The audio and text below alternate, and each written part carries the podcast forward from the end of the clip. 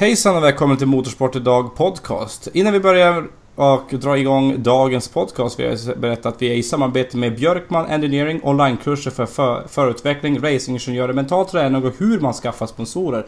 Världens enda onlinekurser för motorsport. Kunskap, erfarenhet, träning, allt i din egen takt. Allting tillgängligt 24-7, 365 dagar om året för att vinna, är, för att vinna en livstid här. Björkmanengineering.com att rekommendera helgspecial av Motorsport idag podcast. Vi har med oss eh, en splitterny gäst i form av Robert här som eh, ska få berätta lite grann vad han håller på med och vi ska såklart komma in lite grann på Formel 1 och Indycar. Så eh, Robert, välkommen till Motorsport idag podcast. Tack så hemskt mycket, det är kul att vara här. Väldigt roligt att du är med. Jag skulle vilja att vi hoppar rakt in i hetluften som är då ditt dagsjobb då under säsongsperioden. Kan du berätta då för ja. folk vad det är du håller på med? Jag är ju racingingenjör åt Robert Dahlgren i eh, STCC-teamet, eller TCR Scandinavia som vi nu säger då, ehm, i PVR Racing. Eh, och jag har ju varit racingingenjör sedan, ja, sedan 2006 ungefär i uh, olika klasser och senaste, uh, vad blir det, senaste tio åren i STCC. Mm. Och, en, och, en, serie som då ganska nyligt historiskt sett har kommit in i just TCR-reglementet. Eh, från att gått från bilar till exempel som har varit lite mera Lite mera, ska man säga, åt DTM-hållet där man hade lite mer downforce eh, och sådär. Och när vi pratade om eh, PVR så har ju ni kört eh, vad heter Emma Kimmalainen, ni har kört även eh, eh, ni har kört, vad heter han från Luleå? Han som eh, Filip Morin. Filip Morin har ni kört också som har gjort väldigt bra, bra ifrån sig. Och så då såklart eh, Daniel Haglöf. Eh, Precis. Utåt sett när man ser, när man ser då SVT's broadcasting och när man ser såklart er på sociala medier så verkar det som att det är ett extremt familjärt team med bra stämning och, och bra atmosfär. Hur skulle du beskriva teamet inifrån? Nej men det är, det är exakt så. Alltså vi, vi försöker ju ha så prestigelöst och så målfokuserad bild som möjligt. Eh, så att vi liksom... Ja, vi, vi, har inte så många i teamet som eh, har så, så mycket prestige och, och, vill visa sig själva utan det handlar om att nå resultat och vara ett team och jag tror det är det som, som också visar sig utåt egentligen. Att vi, vi jobbar för varandra, vi gillar varandra både på och av banan och, och, eh, vi vill göra det bästa möjliga resultatet och, det är nog det som visar sig tror jag. Mm. Och sen eh, får jag absolut inte glömma att prata om Katolinskis vinst också som var enorm. Precis. Det, ja. Och det, det som jag tycker jag, man kan se med ert team är att eh, det är lite grann faktiskt det du säger det här med den här prestigelösheten för att alla får bästa möjliga förutsättningar att göra bästa resultatet. Vi behöver inte ens prata om Dahlgrens eh, SM-vinst. Vi, eh, har Katolinski som vi precis pratade om. Vi har Haglöf mm. som går och vinner. Eh, och med mera med Morim som har vunnit historiskt sett för teamet. Och, så fortfarande då finns kvar. Så att det är ju så himla mycket mm. möjligheter när man kör för PVR, verkar det som. Ja, nej, men vi, vi alla förare som kör för oss har ju exakt samma förutsättningar. Uh, och vi, vi försöker liksom optimera för, för varje förare och det, det, är inte mycket som skiljer mellan de olika förarna setupmässigt heller utan det, det, det, det är någon liten tweak där, lite bromsbalans där och lite sådär som skiljer bilarna åt. Men annars så är det ju exakt samma eh, process, det är samma eh, checklistor när vi går igenom data, det är liksom samma saker som vi gör åt alla förare. Så att det är ju liksom ingen bara för att eh, till exempel Haglöf äger teamet så, så är det ju inte så att det är han som har några fördelar utan alla har precis samma förutsättningar att lyckas. Så det, det, det, det är ju det som gör att förarna taggar till. För om, om man till exempel ser på F1 och sådär när man har en designated first driver så, så blir ju den andra föraren väldigt demotiverad och vill inte liksom prestera lika bra. Eh, så att vi, vi tror ju liksom på, på helheten och att alla ska ha samma förutsättningar för att lyckas. Ehm, och, då, och då kommer ju också resultatet. Jag menar, Mikaela är ju en fantastisk person och racerförare. Eh, så det var ju jättekul för alla att hon lyckades så bra på Karlskoga i år. Så att vi var väldigt lyckliga över det. Ja, jag förstår det rakt utav. Eh, jag tänker att vi ska, innan vi hoppar lite mer in i själva STCC som serie, tänkte jag prata lite grann med din bakgrund, din historia, hur, hur du liksom kom till där du är idag. Hur har resan sett ut? Ja, det är en ganska lång resa. Jag, jag började ju själv köra karting 1989 blir det väl. Ehm, och eh, körde karting på hög svensk nivå fram till 97. Och sen hoppade jag på Formel Ford så jag var faktiskt eh, Robert Dahlgrens teamkamrat eh, i Brorssons racingteam som då hette 98 blir det väl. Eh, så körde jag Formel Ford 1600 där i två år eh, med Robert Dahlgren och sen Robin Rudholm som teamkamrat eh, år två. och sen körde jag tyska Formel Ford-serien 2000. Och sen fortsatte jag i Formel Renault ett par år till. Eh, innan eh, sponsorerna började sina och eh, då la jag väl hjälmen på hyllan 2004 och det som hände egentligen efter 2004 var att folk började ringa mig och undra liksom, men vad, vad gör du här och hur gör du med setuper och hur kör du här och så vidare. Så att det, det blev liksom automatiskt att jag gled in på driver coach, racingingenjör hållet och då tänkte jag att ja, men då kan jag ju fort, fortsätta vara med på i, inom motorsport eh, och då till och med kunna tjäna någon krona eventuellt också då istället för att det ska bara kosta pengar. Um, så det var egentligen så det började och sen tittade jag på då, ja, men vad kan jag utbilda mig till som gör att det här jobbet blir lättare. Eh, så då började jag på Chalmers 2006. Eh, så jag har ju en master i maskiningenjör, mechanical engineering, eh, som jag var klar med 2011. Eh, så det är väl egentligen den vägen jag har varit då. Så att jag har ju egentligen hållit på med, med motorsport, eh, ja det blir ju 30 år i år då, i någon form. Men vad tycker du att du eh, som person har lärt dig mest utav det? Vad, vad, finns det någon utbildning eller någon erfarenhet på resan som du känner att det här kan jag liksom verkligen använda i praktiken? Finns det någon sån specifik nyckelgrej som att det där gjorde att det släppte, att det släppte för mig, eller fick upp ögonen och gjorde att det här ekorrhjulet kom igång? Eller har det som bara varit att du bara har byggt på successivt, precis som du sa tidigare? Eller finns det någon specifik grej du kan peka på att det där har verkligen gjort skillnad? Man kan väl säga att eh, det, alltså det är lite olika komponenter. Naturligtvis så är det ju erfarenhet. Man, man lär sig ju varje år liksom. Och, och eh, den här sporten och, den här miljön är ju så att den är ju ständigt föränderlig och man behöver alltid ha den inställningen att det finns mer att lära sig. Eh, men, jag tror ju att det, dels så är ju eh, det är oumbärligt att inte ha tävlat själv. Alltså att vara i det modet och förstå hur man som förare behöver ladda upp både mentalt och fysiskt. Ehm, och, och eh, förstå en förares position på det sättet, det tror jag är otroligt viktigt. Sen är det ju klart att en teoretisk utbildning är viktig också. Eh, det gör ju att man kan eh, vara lite mera förutsägande vad som ska hända med bilen. Så man kan ju ha algoritmer och simuleringar och sånt här sådana saker då som gör att man kan förstå bilen bättre. Men, men som racingingenjör blir det ju att du ska optimera hela paketet och då är ju föraren 50% och bilen 50 um, ehm, så, att, så att det är ju eh, det är väldigt viktigt att man får ihop det där. Eh, alltså hur kommer föraren reagera med dina förändringar på bilen? Och det är väl det som är själva nyckeln nyckeln egentligen till att vara en god eh, racingingenjör, att man förstår det. Eh, och sen är det ju ytterligare det att man är ju en, en, komponent i ett team.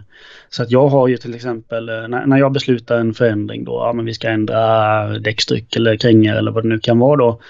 Så, så pratar jag ju med min första meck och min första meck har ju en andemeck med sig och så har vi då en, en däckstekniker också med då. Så att jag har ju tre stycken personer som är, som är runt omkring bilen då som utför egentligen mina orders. Um, så att jag pratar ju med första meck och sen pratar han med andra meck och däckstekniker då så att de här ordrarna blir utförda på ett bra sätt. Och det gäller ju att få till det, den eh, liksom hierarkin eller vad man ska säga, den rangordningen så att den kommunikationen blir väldigt bra och så att de har möjlighet att göra förändringen på ett bra sätt. För oftast så är det ju så att efter ett pass så behöver vi ju sitta ner och kommunicera och prata om vad är det som har hänt och gå igenom och analysera eh, vad vi ska göra för någonting och även kika då i analysdatan liksom att okej, okay, ja men det här och det här behöver vi ändra på också då. Så det tar ju en stund innan första orden kommer ut liksom vad vi ska ändra på. Och det är väldigt viktigt att göra det snabbt då så att första mek har tid på sig att genomföra den här förändringen. Eh, så det är också en komponent att man måste se till att de andra kan göra ett bra jobb också. Just det, just det. Det var väldigt intressant att höra för att det är lite intressant också när man, när man frågar liksom eh, teampersonal eller personer som kanske inte just är förare för att eh, alla förare har ju såklart sin egen bakgrundshistoria men den ser ju lite annorlunda ut till exempel för de som är till exempel mekaniker eller, eller olika former av ingenjörer. Och det, så att det, det, för mig är det liksom väldigt, väldigt utvecklande att höra hur, hur du har arbetat för att komma till den position som, som du är i nu. Och jag tänker så här när det kommer till Robert Dahlgren då och vi fortsätter att bygga vidare på det här med team. Mm. Hur, skulle, hur skulle du kunna beskriva honom det som förare och vad han söker ur en STCC-bil? Ja, alltså som, som förare är han ju, han är ju otroligt komplett. Uh, han, han är ju um, han är mentalt stark. Han är, har ju en väldigt uh, stor talang eh, när det gäller att liksom eh, och ratta en bil. Eh, han har ju liksom känsla för eh, viktförskjutningar i bilen. Han har känsla för, för ratt och, och liksom växlingar och sådär. Han har ju den mekaniska känslan att okej, okay, jag slänger inte bara i en växel utan jag känner att växeln åker i.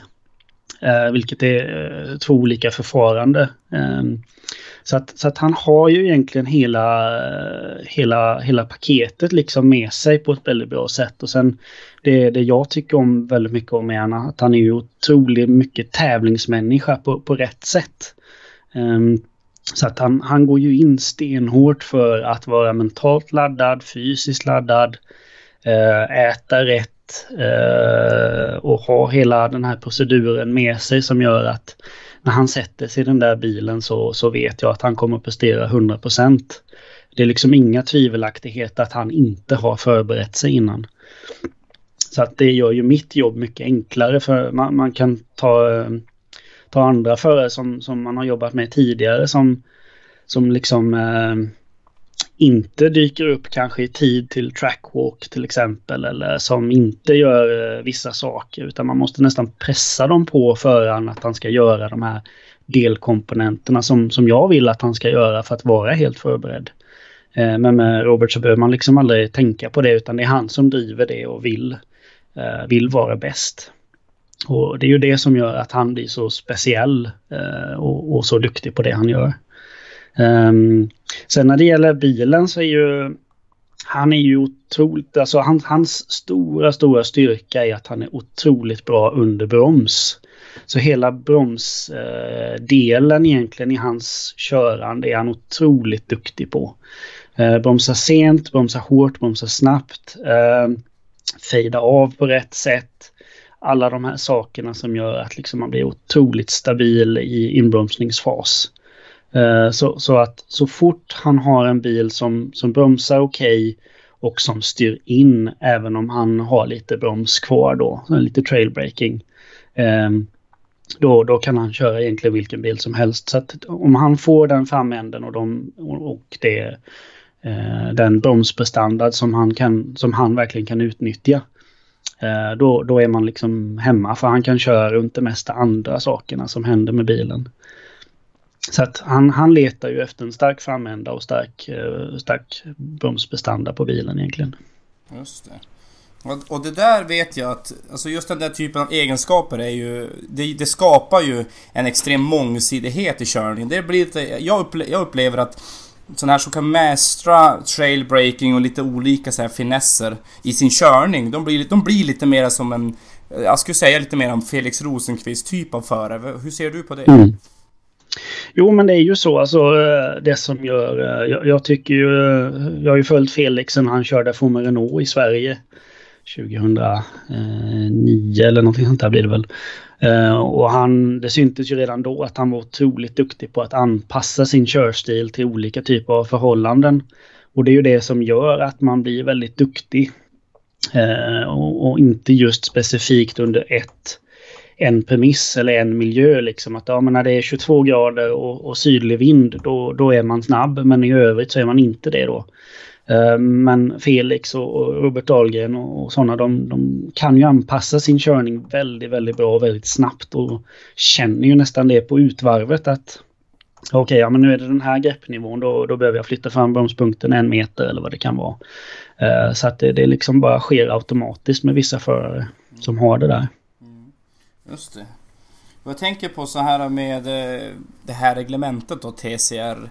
Eh, vad, vad, är din åsikt om själva reglementet och bilarna och vilka för och nackdelar eh, ser du och har du några specifika åsikter kring eh, just det? Alltså TCR-bilen som sådan är ju ganska eh, enkel. Alltså det är ju inga det är ju inga komplexa hjulupphängningar eller någonting annat och inga komplexa motormodeller eller mappningar och sånt här. Den är inte speciellt avancerad aerodynamiskt eh, heller utan det, det, är ju liksom en, en standardbil som, som man har gjort eh, vissa eh, nyckelsaker på för att det ska bli en racerbil av det. Um, så att alltså det funkar ju väldigt bra i, i dagens miljö där där man liksom ja, budgetmässigt eh, inte har de pengarna som kan, man kanske har haft innan och sådär. Och det är väl egentligen där som styrkan i TCR-reglementet är att man har en bil som är relativt billig att driva.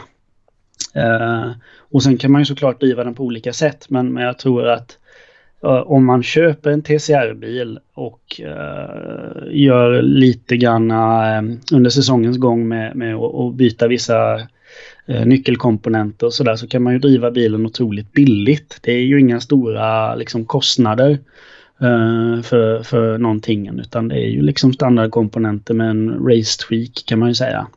Så att dels så är det ju budgetmässigt som det är otroligt fördelaktigt. Eh, och sen är det ju det att ett enkelt reglemente gör ju att eh, alla hamnar i stort sett på samma nivå. Man kan inte göra eh, massa avancerade vindtunnelarbeten eller någonting sånt där då som man kunde göra i, i eh, TC1-reglementet eh, till exempel eller eh, S2000 eller någonting sånt där då. Så, att, så att det blir ju det blir ju mera lika även för den som, som eh, bara dyker upp i banan och, och vill delta och eh, de som, som har liksom fyrbilsteam och vill vinna. Det, det är inte jättestor skillnad man kan göra även om man har liksom eh, stor budget och sådär då. Så det har ju eh, det, det, har ju många fördelar. Sen är det ju nackdelar också är ju att det blir kanske inte den showen som, som eh, man kanske vill ha.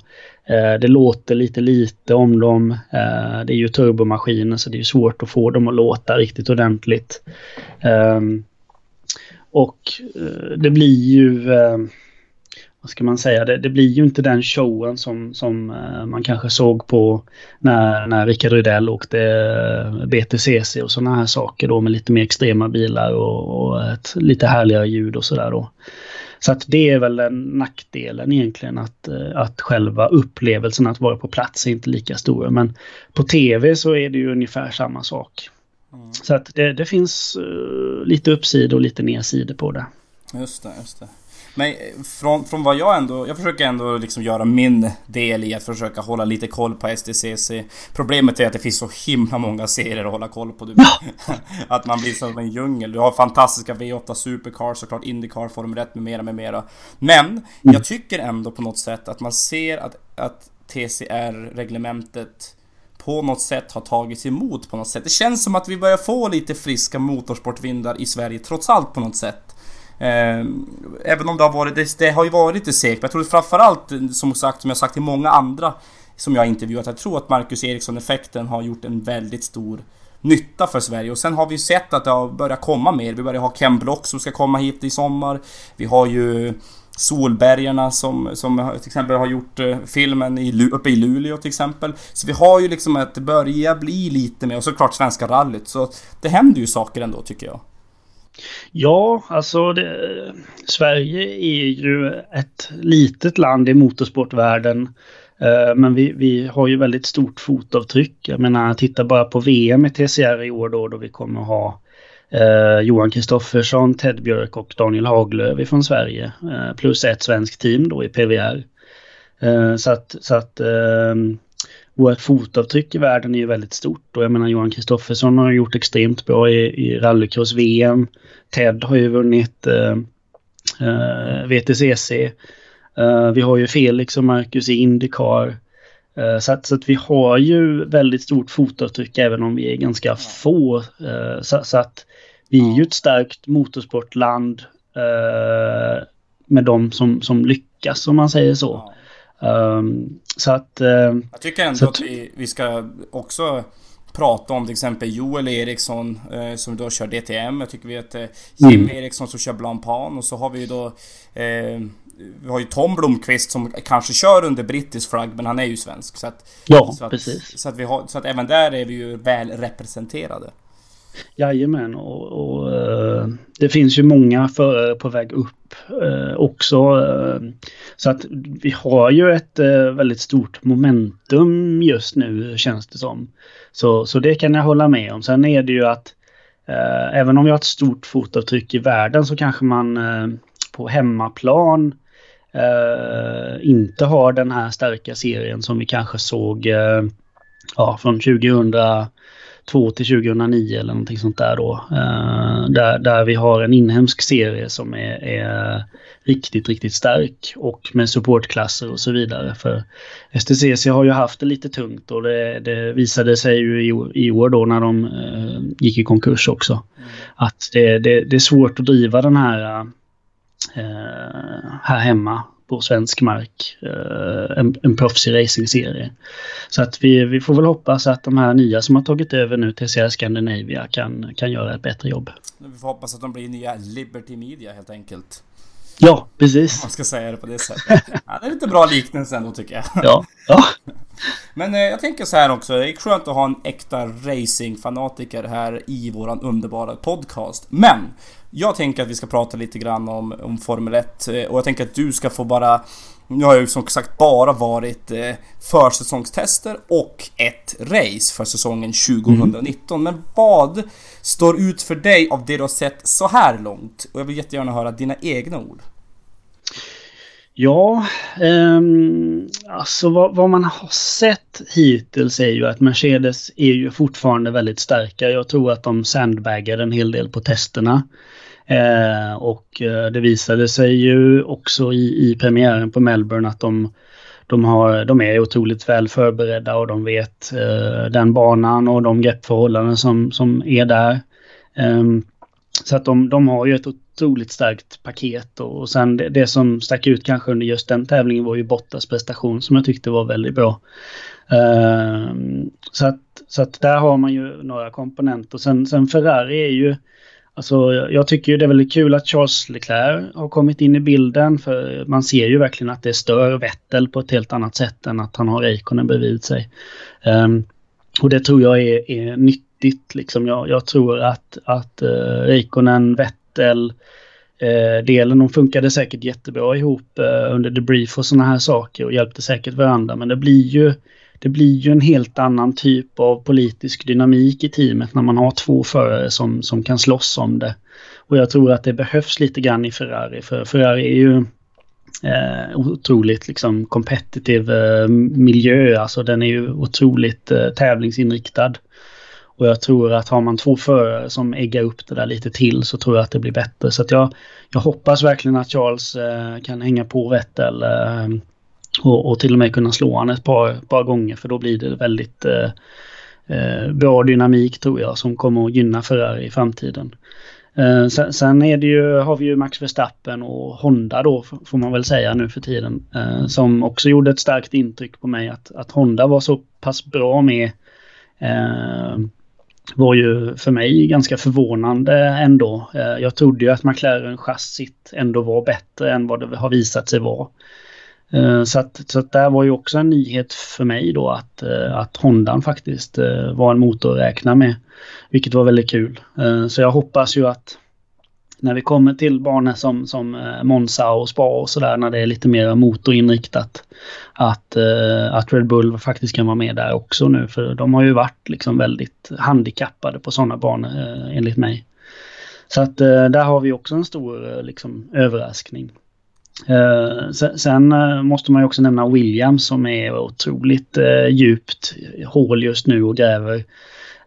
Och det känns ju som att de, de har ju verkligen fallit ifrån eh, från en väldigt bra grund ett par år sedan eh, till, till eh, totalt fall nu egentligen när man är nästan har man är ju två sekunder egentligen efter pace eh, varje varv och det håller ju liksom inte. Eh, så att eh, det, det, har varit den stora besvikelsen och, och, det är ju tråkigt också för Kubica som jag tycker är en väldigt bra förare eller har, var en väldigt bra förare innan han skadade sig i alla fall. Så det är lite tråkigt att han inte får, får rätt möjligheter nu när han har kommit tillbaka. Mm. Så det, det, är väl några punkter som jag har reagerat på hittills i år. Ja, jag håller faktiskt med och Eh, jag tänker också det, mina, mina tankar om vi bara ska snacka lite så här lätt om, om eh, Formel 1 så här långt så tänker jag framförallt på hur kommer Hondan att... Nu, nu lägger jag till på det som det du har sagt, det som var ja. väldigt bra grej. Men jag tänker på hur bra kommer Hondan vara när det kommer till banor som kräver mer power. Jag tänker Monza, jag tänker Belgien, jag tänker Mexiko. Eh, Kinas, mm. den här stora raksträckan där. Det ska bli intressant för om de nailar det, då blir det, då blir det riktigt skön fight. Då kommer det bli riktigt intressant. Um, Kommer Red Bull ha tillräckligt med tålamod med Gasly om han inte håller en tillräcklig nivå? Kan det bli en, en eh, lite av en Karma Isa B situation där, där Kviat blir en... Att han går upp och, och byter precis som Kviat bytte med Verstappen i, från, mellan Ryssland och Spanien. Man vet aldrig, vi får se hur det blir där. Jag tror att, att Gasly har en hel del att bevisa. Eh, och jag tror inte att det kommer dröja för, för, för länge innan, innan Red Bull tappar tålamodet. För det såg vi redan i de här testkrascherna i, i Spanien att då gick han ut och totalsågade Kviat. Jag vet inte riktigt vad, vad man ska få ut av det. Marco är inte riktigt den mest diplomatiska karaktären i depån om, vi, om vi säger så. Så det är en sak som jag tänker på. Um, jag vill också se mer av Ricardo och Renault och jag vill framförallt se mycket mer utav McLaren. Uh, jag är fortfarande mm. skeptisk mm. till, till Carlos Sainz. Jag tycker att han är en duktig förare. Men jag ser inte honom som någon... Uh, ja, någon supertalang rent så om vi ska jämföra. Han var duktig i World... I, vad heter det nu? Renault 3. World Series by Renault, ja. Precis. precis mot eh, Verstappen. Men jag kan inte riktigt se den här eh, lossnan, att det lossnar riktigt sådär. Så att jag hoppas att han kan visa det nu mot eh, Lando Norris. Det är en grej. Och sen är det ju som du var inne på, jag måste sno en grej. Det är ju vart, vart, kan, vart kommer Williams att vara? Jag tror att mm. där behövs det göras en rejäl omstrukturering. Jag tror att Claire Williams behöver antingen avgå eller ta ett steg tillbaks. Jag tror att man måste nog tyvärr antingen få en jäkla massa kapital eller låta sig tas över av till exempel Mercedes som till exempel Ferrari har gjort med Alfa Romeo. Jag kan inte säga att de kan göra det på egen hand i dagsläget. utan jag tror att de måste få antingen måste man tas över eller så måste man få utifrån ett jättestort eh, kapital, eh, en kapitaltillgång. Hur tänker du runt mitt resonemang? Nej, men jag, jag håller med. Alltså, uh, Claire Williams tog ju över, uh, ja nu är det väl, kan det vara, fem år sedan eller någonting sånt där. Och det har väl eh, gått egentligen ganska fort utför. Eh, alltså när hon tog över teamet så var det otroligt starkt. Eh, så att jag, jag, tror ju att hennes ledarskap inte har, har gjort det här bättre och det har ju försvunnit en hel del starka eh, människor. Jag tänker på Rob Smedley och sådär liksom som, som ändå är bevisat väldigt duktiga och som man inte har kunnat ta tillvara på på ett bra sätt. Och jag menar att man, att Paddy Lowe eh, att Paddy Lowe har ett bra liksom eh, bra meritlista är ju ingen, ingen heller någon hemlighet liksom. Och, och, han, han måste ju ändå haft ganska mycket godbitar med sig från Mercedes. Eh, kan jag tycka, liksom, som, som man borde kunnat implementera och göra bilar mycket bättre. Men det verkar man inte heller ha lyckats med. Och, och, uh, och sen om det är att Paddy inte trivs, trivdes i det teamet eller om det var den rollen eller vad det kan vara. Det spelar ju egentligen ingen roll för att det är ju upp till ledarskapet att se till att han får en sån position där han kan göra nytta och skapa värde för teamet. Och det verkar man inte ha lyckats med. Så att jag tror att ledarskap, ledarskapsstrukturen behövs förändras för att jag tror inte det är tillräckligt starkt tekniskt idag. Um, jag tror ju att, att man har gått lite bet på det här med att man skulle bilda aktiebolag och sådär. Jag tror att, att eh, eller som publikt aktiebolag. Jag tror man liksom eh, distraherade sig själva på något sätt genom allt det där och man trodde att det skulle bli ett ekonomiskt uppsving som inte blev av. Så jag tror att man har en hel del olika bitar att jobba med, men framförallt så måste man bli mycket tekniskt starkare och man måste ha stabil personal som man litar på. Uh, alltså man har tagit in Rob Smedley då från Ferrari och så får han kicken och nu tog man in Paddy Lowe liksom och det funkade inte heller då från Mercedes. Så att jag, jag vet inte liksom vad, vad, ska man göra? Det finns ju nästan bara ja, Adrian Newey då liksom, men han är ju ganska så fast i, i Red Bull liksom. Så att, så att man måste fundera lite på vad ska man göra rent tekniskt för att kunna bygga den här stabila basen. Eh, där, där, man kan utnyttja folks värde. För det har man ju liksom inte lyckats med. Och, och um, sen när det gäller pengabitarna så är det liksom en annan femma. Det, det är säkert så att de inte har eh, absolut rätt budget. Men det är ju inte så att det är, är HRT eller Lotus eller sådär som det var förr i tiden. så jag tror ändå att det finns en del stålar att, att tillgå men jag tror inte att man har använt dem på rätt sätt. Uh, och, och, jag menar, de, de säger ju själva då att ja, men vi har identifierat vad det är men det kommer ta liksom tre fyra månader att rätta till. Uh, och, och, då börjar man ju genast fundera som racingingenjör, men vad är det som tar tre fyra månader att rätta till? Och då är det ju någon typ av, av eh, aerodynamisk paketeringsproblem egentligen, till exempel runt, runt bärarmar eller eh, runt diffusorn som, som egentligen kan innebära sådana förändringar som gör att man behöver göra liksom grundläggande förändringar på hjulupphängning och, och aerodynamiska komponenter tillsammans då för att veta att det funkar.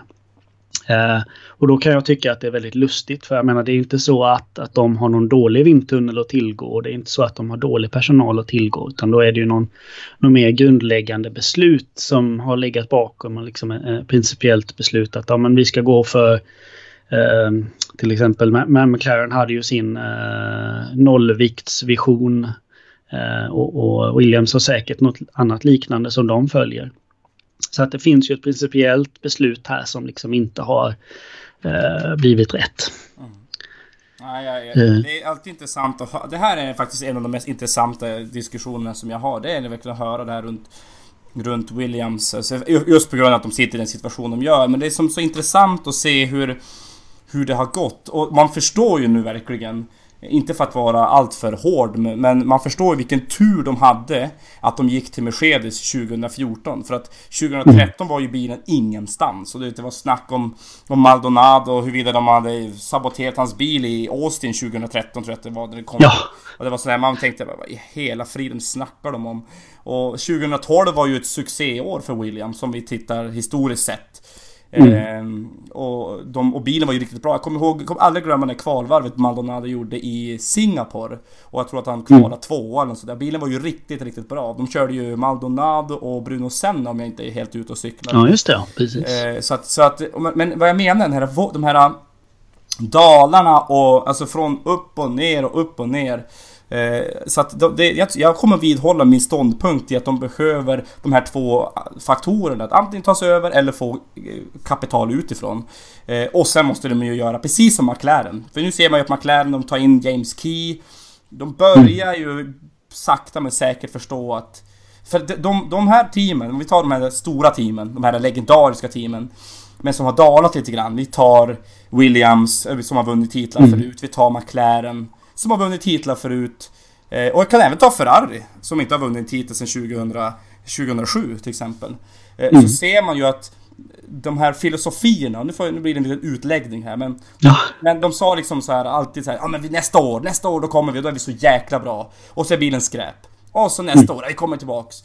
Och man får inte fastna i gamla meriter, man måste helt enkelt hitta ett modernt sätt att anpassa sig till hur Formel 1 ser ut idag. Man kan inte kolla på Schumacher 2004 eller 2000 och tänka sådär ska vi jobba. Det funkar inte idag. Så de har varit tvungna att modernisera sig och det tror jag även McLaren har insett. Varför de har tagit James Key och gjort en personalförflyttning. Och jag tror även att Williams måste göra det. Men också få utomvarande hjälp.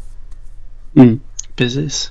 Nej men alltså det, det är ju... Um Tittar man ännu längre historiskt bakåt så är det ju så att man har ju haft en del, en del liksom eh, Ferrari och, och en del liksom eh, manufacturers eh, som, som liksom har eh, varit med i Formel 1 väldigt länge. Och de har ju haft en viss filosofi liksom som, som eh, ska gynna ett, ett bilmärke. Och sen har man ju haft de här engelska vad ska man säga, garageteamen som det då var förr i tiden, Williams och McLaren och så vidare. Då. Eh, och, och, jag tror att ehm, man, eh, man nu kommer till ett stadie där allting är så sofistikerat och så avancerat att man, man behöver ha liksom mycket av den här grundbasen som eh, en, en bilutveckling ger. Ehm, så man behöver ha liksom en, en forskningsdel i det. Uh, för, att, för att det är så avancerat. Jag menar, tittar man på varför är Mercedes motor så bra? Jo, för att det jobbar liksom tusen pers med att forska om, uh, om, om motorer i, i Stuttgart liksom. Uh, och, och, i Tyskland. Så jag menar, det, det, är inte så konstigt att de är duktiga på det de gör. Eh, med sina motorer. Och jag menar Williams och McLaren de har ju inte den typen. Okej okay, de kanske har någon som sitter och forskar på det men, men det är ju liksom eh, det är ju inte, det är, de köper ju ändå motorer från någonstans och gör inte sina egna motorer. Och jag tror att det är så avancerat och så liksom eh, tekniskt komplext idag att man måste ligga i absolut framkant för att få den här edgen liksom. Eh, för annars så blir man bara ett mittenteam. Eh, och det är ju det vi ser egentligen att vi har ju tre stora motortillverkare. Det är Honda och, och, och Mercedes och, och, eh, Ferrari. Och sen har vi även Renault men de har inte heller riktigt De är inte heller riktigt där. Så att jag tror att man man, man kommer till den punkten att man måste nästan bygga sina egna saker för att det är då man kan verkligen utnyttja till, till max det man håller på med och paketera eh, framförallt också bilen rätt kring bakändan då för att få rätt aerodynamik. Um, och det är ju därför man ser Mercedes och, och, och Ferrari längst fram. Mm. Ja, nej men eh, jag håller helt med dig. Och jag tänker att vi ska avsluta podden med att snacka om såklart om Indycar som eh, jag kan säga mm. jag är extremt glad att, att vi har den möjligheten att se Indycar i, i Sverige på det sättet. Alltså att man verkligen kan följa det rakt av. Och jag tror såklart att det är tack vare att vi har två svenskar där. Men den serien har, man, har ju man velat se länge. Eh, just, för, just på grund av att den är, den, nivån är ju extremt, extremt bra. Det är en hög nivå på på underhållningen helt enkelt. Och, och mm. Precis som till exempel V8 Supercar. Det är fantastisk underhållning. Um, jag tänker lite grann om vi ska snacka lite grann om själva specifikationen. Vi behöver inte gå in på det 90 gritty men man kan prata lite grann om skillnaden mellan Formel 1 och, och Indycar. Bara lite, eh, lite grann. Och jag vet att många tycker mm. att man inte ska jämföra men det är ju ändå lite intressant för de är ju ändå så pass olika. Vad, vad tänker du om det som är det du tycker är lite bättre med Indycar och vad är det du tycker är lite mindre bra med Indycar enligt dina egna åsikter?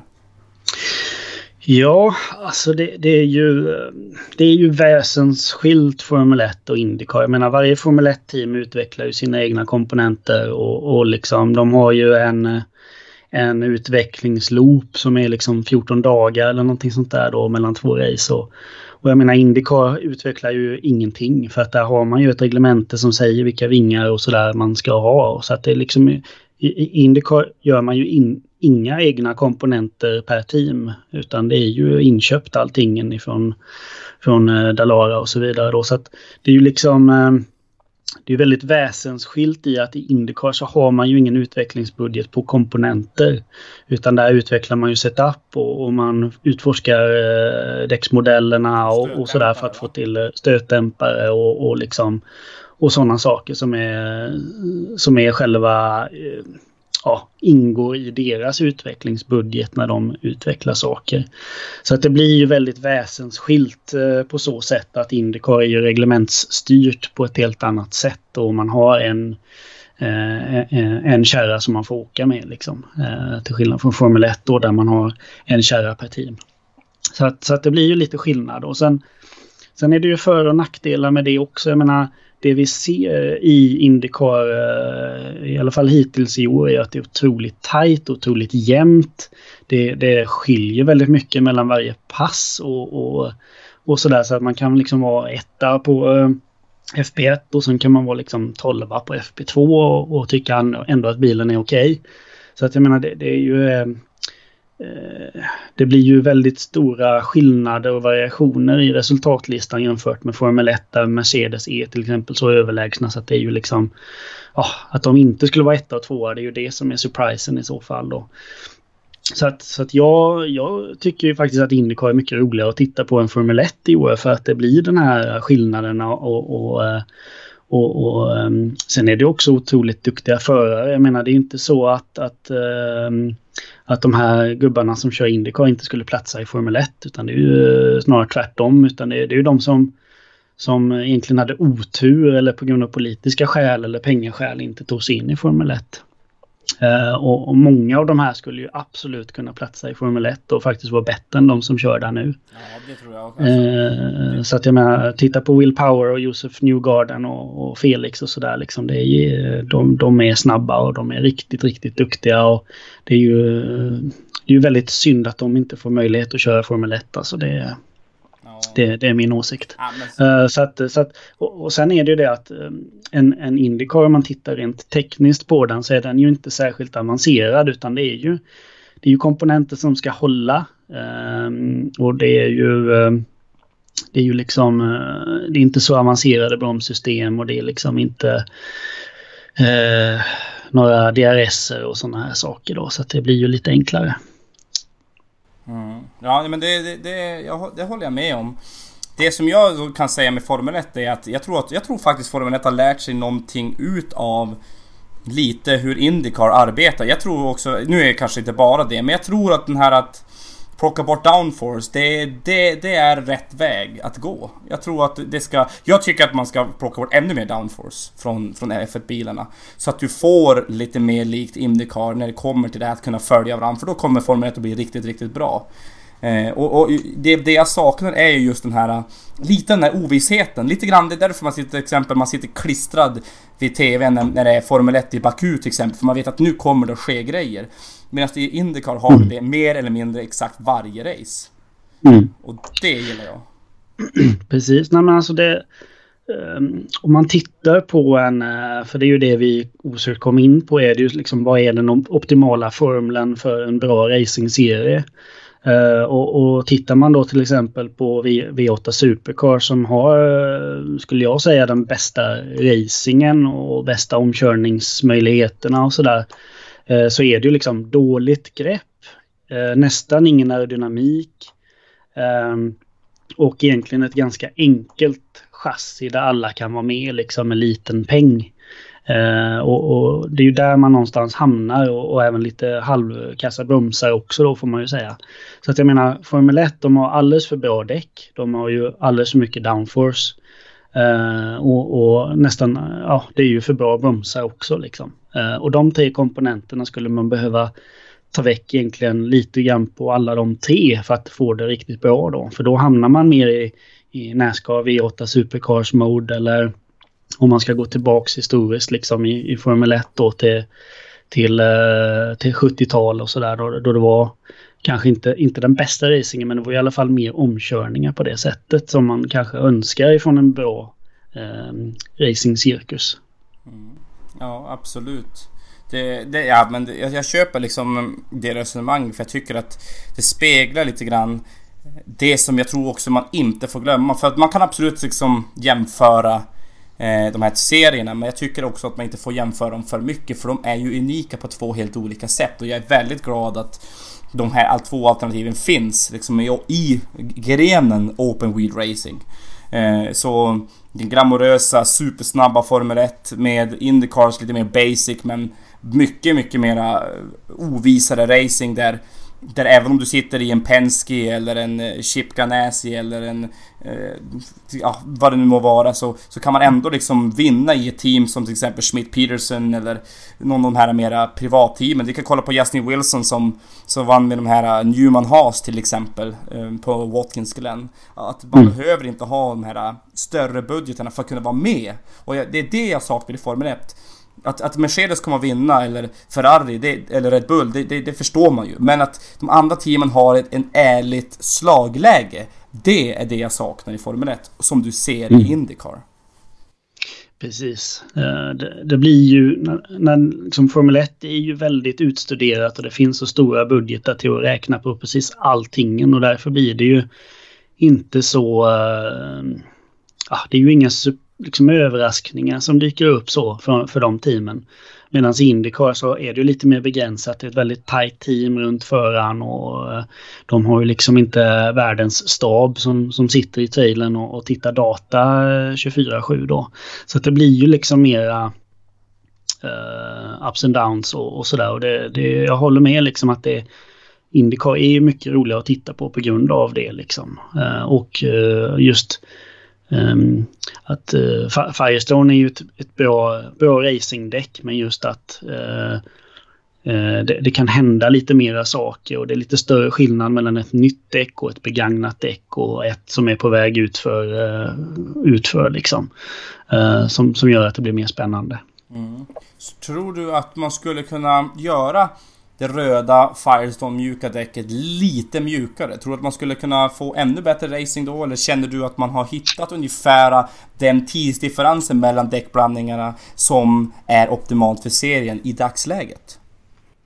Alltså jag tycker ändå om man tittar på, på första racet, för det är väl ändå det man har att gå på i år, att att där tyckte jag ändå liksom um, att det var en, en rimlig skillnad och jag blev ju förvånad där uh, när, när Newgarden satte på de röda uh, på sin sista stint var det väl, uh, eller var det näst sista stint och ändå kunde åka då 20 varv helt okej okay på dem. Så att jag blev lite förvånad att de höll så länge ändå och hade så bra pace. Så att jag tror ändå att om man skulle ha dem ännu bättre så skulle de ju inte kunna köra dem i race på samma sätt. Så jag tror att man måste liksom hitta någon slags balans mellan en schysst, schysst kvaldäck och ändå kunna åka med dem i, i en race-situation. Så att det kan bli den här differensen i, i um, depåstrategi just. Mm. Uh, så att jag tycker ändå att ja, men de har ändå gjort ett okej okay jobb liksom. Uh, jag tycker ändå liksom att det är, det är bra skillnad mellan ett, ett, ett nytt och ett begagnat rött och ett nytt svart och, och ett begagnat svart. Mm. Så att jag tycker ändå liksom att det finns väldigt, det finns liksom fyra olika tempon där som man kan välja på i stort sett. Och jag tycker det, det ger bra racing och, och um, ger också liksom utrymme för att göra olika depåstrategier som vi då såg i första racet till exempel. Uh, tyvärr för Felix skull så gick det åt fel håll då men, men för de andra. Men jag tänker faktiskt på en sak som jag har, som jag har länge, länge funderat på. Eh, eller, men det, men det, är ganska, det är ganska uppenbart, men samtidigt är det alltid skönt att, disk, att dissekera det. Och det är hur man gör beslut. För jag kommer ihåg när in, för bara något år sedan bara, eh, 2017 bland annat, när man hade de här aerokitsen på Indycar-bilarna och de såg ut som, ja jag ska inte ens beskriva hur de såg ut, de såg hemskt ut. Hur som helst. Eh, så, så märkte man ju då att då hade man, ju, man la ju på mer downforce. Och då fick vi ju mer Formel 1 racing. Jag, jag älskar Formel 1, eh, don't get me wrong. Men mm. man fick den mer den här eh, tågtypen av racing. Att man följer varandra men man kommer inte riktigt till. Eh, som man ville göra till exempel vid omkörningar. Utan det var liksom man fick göra det på inbromsningar eller man fick nästan nudda varandra. och göra lite som i Nascar den här, eh, vad heter det? Bump, bump and run. Ja, precis. Som Eh, och sen plockar man ju bort det där, det här, det här aerokitset. För det var ju Chevrolet och Honda som hade två olika aerokits. Mm. Och sen ser man ju direkt att Ja visst, bilarna kanske blir svår, mer svårroterade, de kanske inte blir lika snabba runt en bana, men du fick ju ett helt annan racing också. Mm. Och min Exakt. poäng i grunden är att om vi tittar på 2016 till exempel hur Formel 1 gör sina val, att jag tycker att det blir lite för hastiga beslut. Som till exempel 2016s kvalsystem som var helt åt FN. När man liksom inte hade... Man, tänkte, man sätter det och tänker vad händer, vad händer här? Vad, vad, vad händer här? Och, och, och, en sån sport borde kunna göra ett bättre jobb när man har möjlighet att simulera det där. Med all utrustning, alla pengar och all möjlighet att man inte simulerar det där bättre. Så under till exempel en försäsongstest istället för att man gör trial and error och gör det på banan. Där tycker jag att Indycar har ett bättre metodiskt arbetssätt i hur de vill få fram sina reglementen. Och de jobbar väldigt likt Nascar där man frågar förare, frågar fans och sen sätter man sig och gör ett beslut istället för att nej, men nu gör vi ett beslut, vi gör ett beslut och så gör man till exempel då att nu ska vi köra V6 och jag har inget emot V6 i sig. Alltså så, så 2020 eller 2021, då ska vi ha ett nytt reglement och så ser man precis att nu börjar Honda komma igång. Och, så ska, mm. och det, är som, det är precis det här som är problemet mellan de här två sporterna.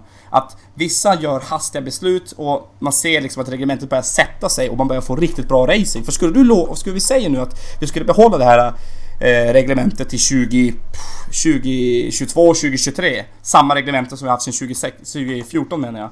Då hade mm. vi ju fått se extremt bra racing i Formel 1. Och det saknar Formel 1. Att göra väldigt, väldigt smarta och metodiska beslut. Mm. Nej men alltså det, det, finns, eh, det finns två svar på det där liksom att eh, om, man, om man ska försvara Formel 1 och gå in, gå in för att försvara dem så är det så att det finns en helt annan politisk miljö och en politisk agenda när man tar beslut. Eh, där, där det finns några otroligt starka spelare, speciellt då Ferrari som som, eh, som ofta faktiskt går in och tycker annorlunda då jämfört med de andra teamen i många olika frågor bara för att liksom politiskt eh, inte tappa makt eller tappa pace på banan liksom. Så att där finns en helt annan typ av politisk maktstruktur som man liksom inte kommer runt. Eh, och jag hade väl hoppats på att Liberty hade styrt, styrt upp det där lite bättre men det verkar väl inte riktigt som att det, det har slagit in än. För det är ju så att teamen måste ju själva då liksom komma överens om de här tekniska förändringarna och då det är klart att, att man alltid ser till sig själv först liksom. Eh, Toto Wolf är ju till exempel en som är otroligt duktig på att spela det politiska spelet och lyckas ju hålla kvar vid sin, eh, sin jättebra motor nu då som de har utvecklat. Så att jag menar det är ju ingen hemlighet att han rent politiskt försöker att driva att det ska vara samma motorreglemente för all framtid i stort sett. Så att där har man ju liksom en sak som inte existerar i Indycar. Um, och sen, sen om man då liksom ska, ska eh, på din linje då så Alltså det borde finnas så mycket resurser och, och titta på det här, analysera det och simulera det precis som du säger. Liksom att göra de här bra förändringarna så att det blir bra racing. Uh, och sen borde man liksom då i Libertys fall liksom, ja, men vi ser att det inte är tillräckligt bra racing så vi måste göra någonting. Och sen bara klubba igenom det liksom och köra stenhårt på sin linje för att det ska bli bättre racing och bättre för sporten. Uh, men de får liksom inte med sig teamen på det verkar det som utan de sätter liksom käppar i hjulen på sig själva och ser hela tiden till sitt eget bästa först och sen sporten eh, nummer två och då funkar det liksom inte. Det, det, det är det som liksom gör att det blir så tungrot att få till de här förändringarna. Och, och då blir det också väldigt stor press. Liksom. Jag menar, alla tycker ju att Formel 1 har dålig racing. Liksom. Det är ju eh, konsensus egentligen bland alla som är intresserade av motorsport. Eh, att ja, men det är för dåligt med omkörningar och det är så svårt att ligga bakom och så vidare. Så det blir ju en otrolig press på förändringsorganisationen inom Formel 1 för att alla vill se förändringar. Eh, så att jag tror att det finns liksom, eh, det är ganska komplex liksom issue i hur man styr sporten. Så, så jag tror det ligger en hel del bakom det här varför det har blivit så.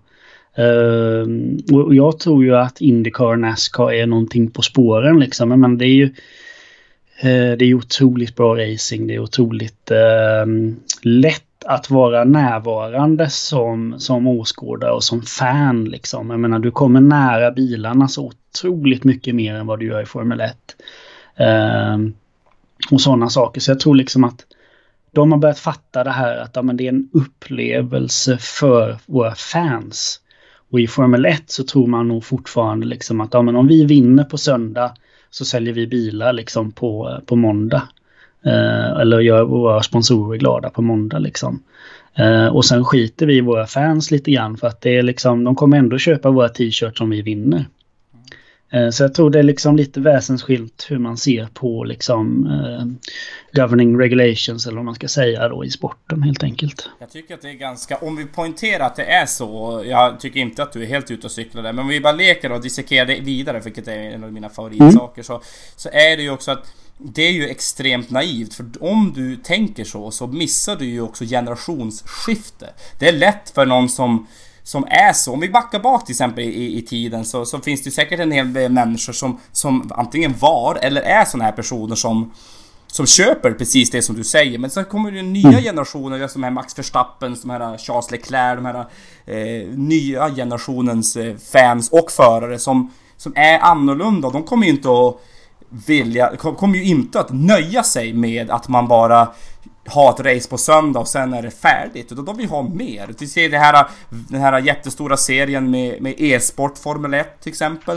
Eh, det, det, det, är de här grejerna, att, att man måste förstå att Formel 1 måste expandera och bli mer öppet. De här showrunsen som man börjar ha till exempel. Det här, mm. det här London Live. Där har du precis vad jag pratar om. Exakt mm. min poäng.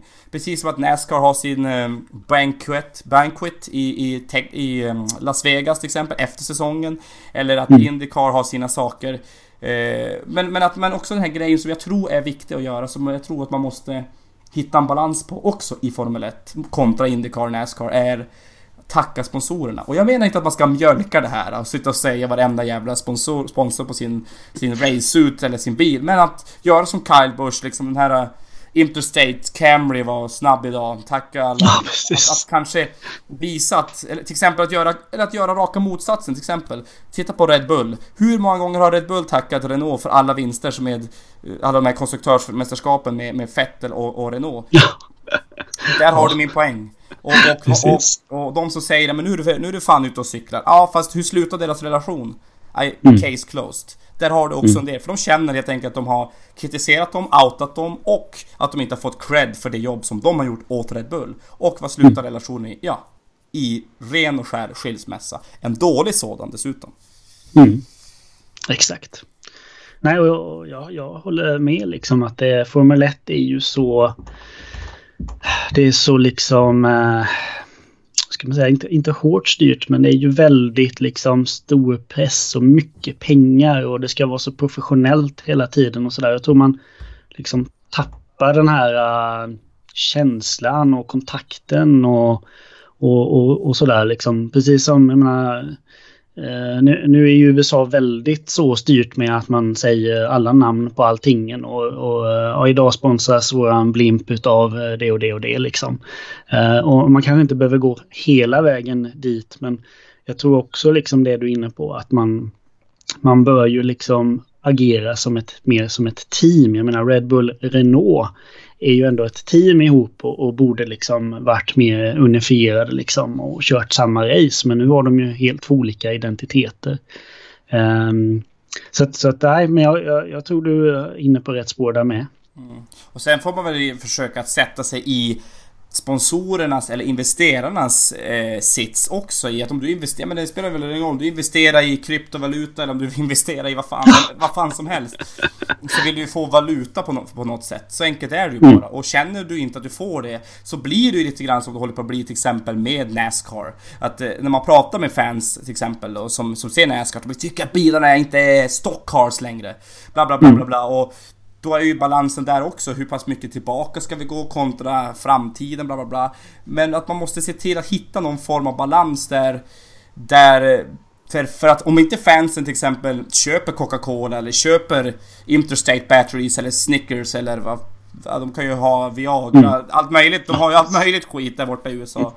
Nu hoppas jag inte att ni tror att ni måste köpa massa Viagra. Men vad jag försöker säga är väl att om folk inte känner någon connection till förarna, till sporten, till bilarna eller till själva sponsorerna som sitter på bilarna så kommer folk sluta köpa produkterna. De kommer få mindre pengar, de kommer kunna investera mindre i sporten eller i sina förare eller teamen. Och då får du den här kedjereaktionen med tomma läktare på racedagarna. Mm. Exakt. Så att, det, det, är mitt resonemang om man ska göra, därför om man dissekerar det där lite grann så kommer det fram olika faktorer som man kan sitta och bolla med. Så att folk förstår liksom hur komplex, hur komplex motorsporten också är. Men grundgrejen är fortfarande att du får inte tappa konsumenten. Tappar du konsumenten så tappar du allt. Ja. Nej, men då försvinner ju värdet liksom eh, i eh, varför man gör det här egentligen. Alltså man, I grund och botten så gör man ju det här för konsumenterna liksom. Ehm, för att man vill showcasea någonting och visa någonting. Och om det nu är kryptovaluta eller någon ny eh, teknologi för, för fordonsmarknaden liksom. Det, det är ju ändå samma grund och samma bas liksom. Så att Nej men jag håller med. Man, man, liksom, man är ju på väg att tappa det lite grann och jag tror att det, det är egentligen, eh, alltså motorsporten är ju otroligt komplex och det finns otroligt många varianter men jag tror man ser det här liksom över andra sporter också. Jag menar alla arenasporter har ju liksom en eh, nedåtgående trend i stort sett. Eh, och, och, jag tror liksom att man, man måste kika på det där. Vad är egentligen orsaken till att folk inte vill komma? Uh, för att det är ju ändå det som på något vis betalar uh, lönerna i slutet av, av dagen liksom för många idrottslag och team. Liksom. Så att jag tror jag tror man måste...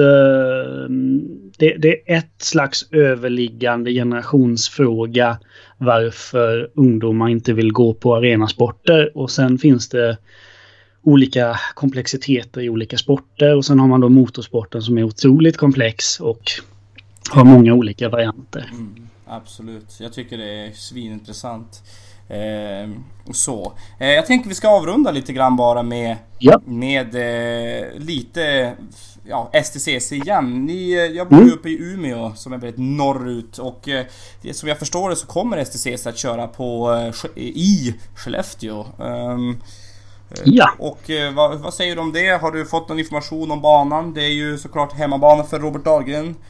Ja, precis. Så vad, hur ser du inför det racet?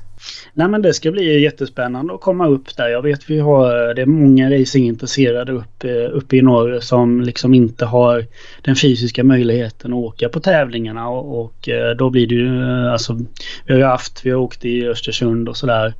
Eh, men, men att vara så långt upp eh, norrut som det här då, det ska bli väldigt kul och jag, jag märker ju redan på på intresset kring de, just den här tävlingen att det är väldigt stort med, med biljetter och sådär vad jag har hört. Så att det, det, kommer bli en riktig folkfest tror jag och väldigt kul att, att åka upp där.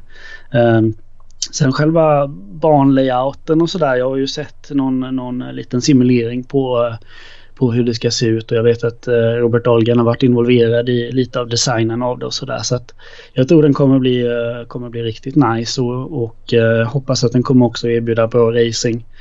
Eh, det finns ju ett par bra omkörningstillfällen vad jag ser i alla fall med, med gott om slipstream-möjligheter in i djupa eh, bromszoner. Så att jag, jag, tror att det kommer bli riktigt nice faktiskt. Och jag tror ju även att eh, det jag har hört utifrån eh, från arrangörshåll och sådär att man kikar just på det som vi pratade om innan att det ska vara den totala showen liksom. Att man också har saker omkring omkring banan som, som gör att själva fansen och upplevelsen blir grym.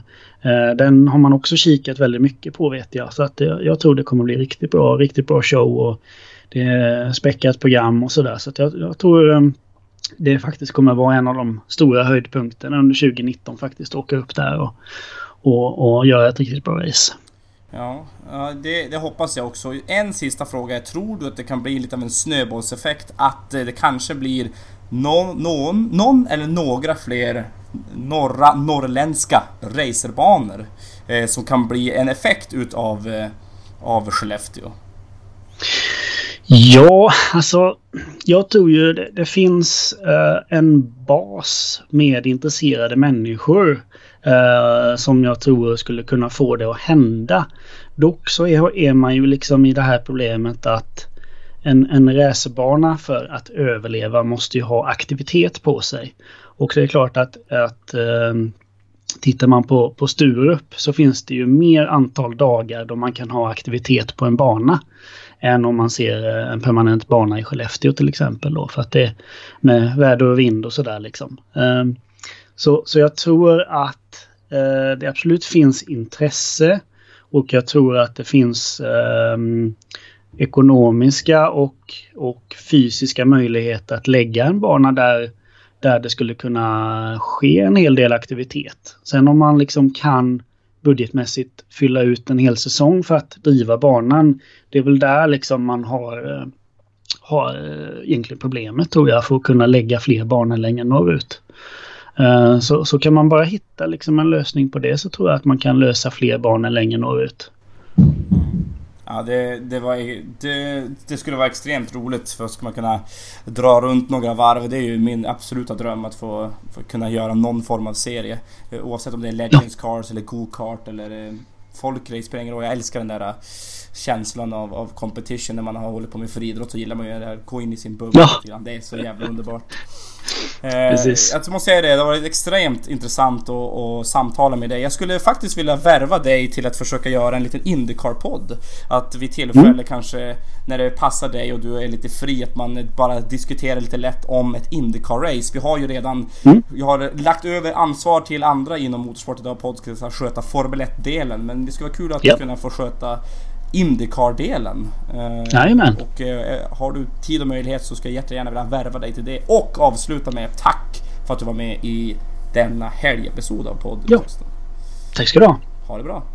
Detsamma.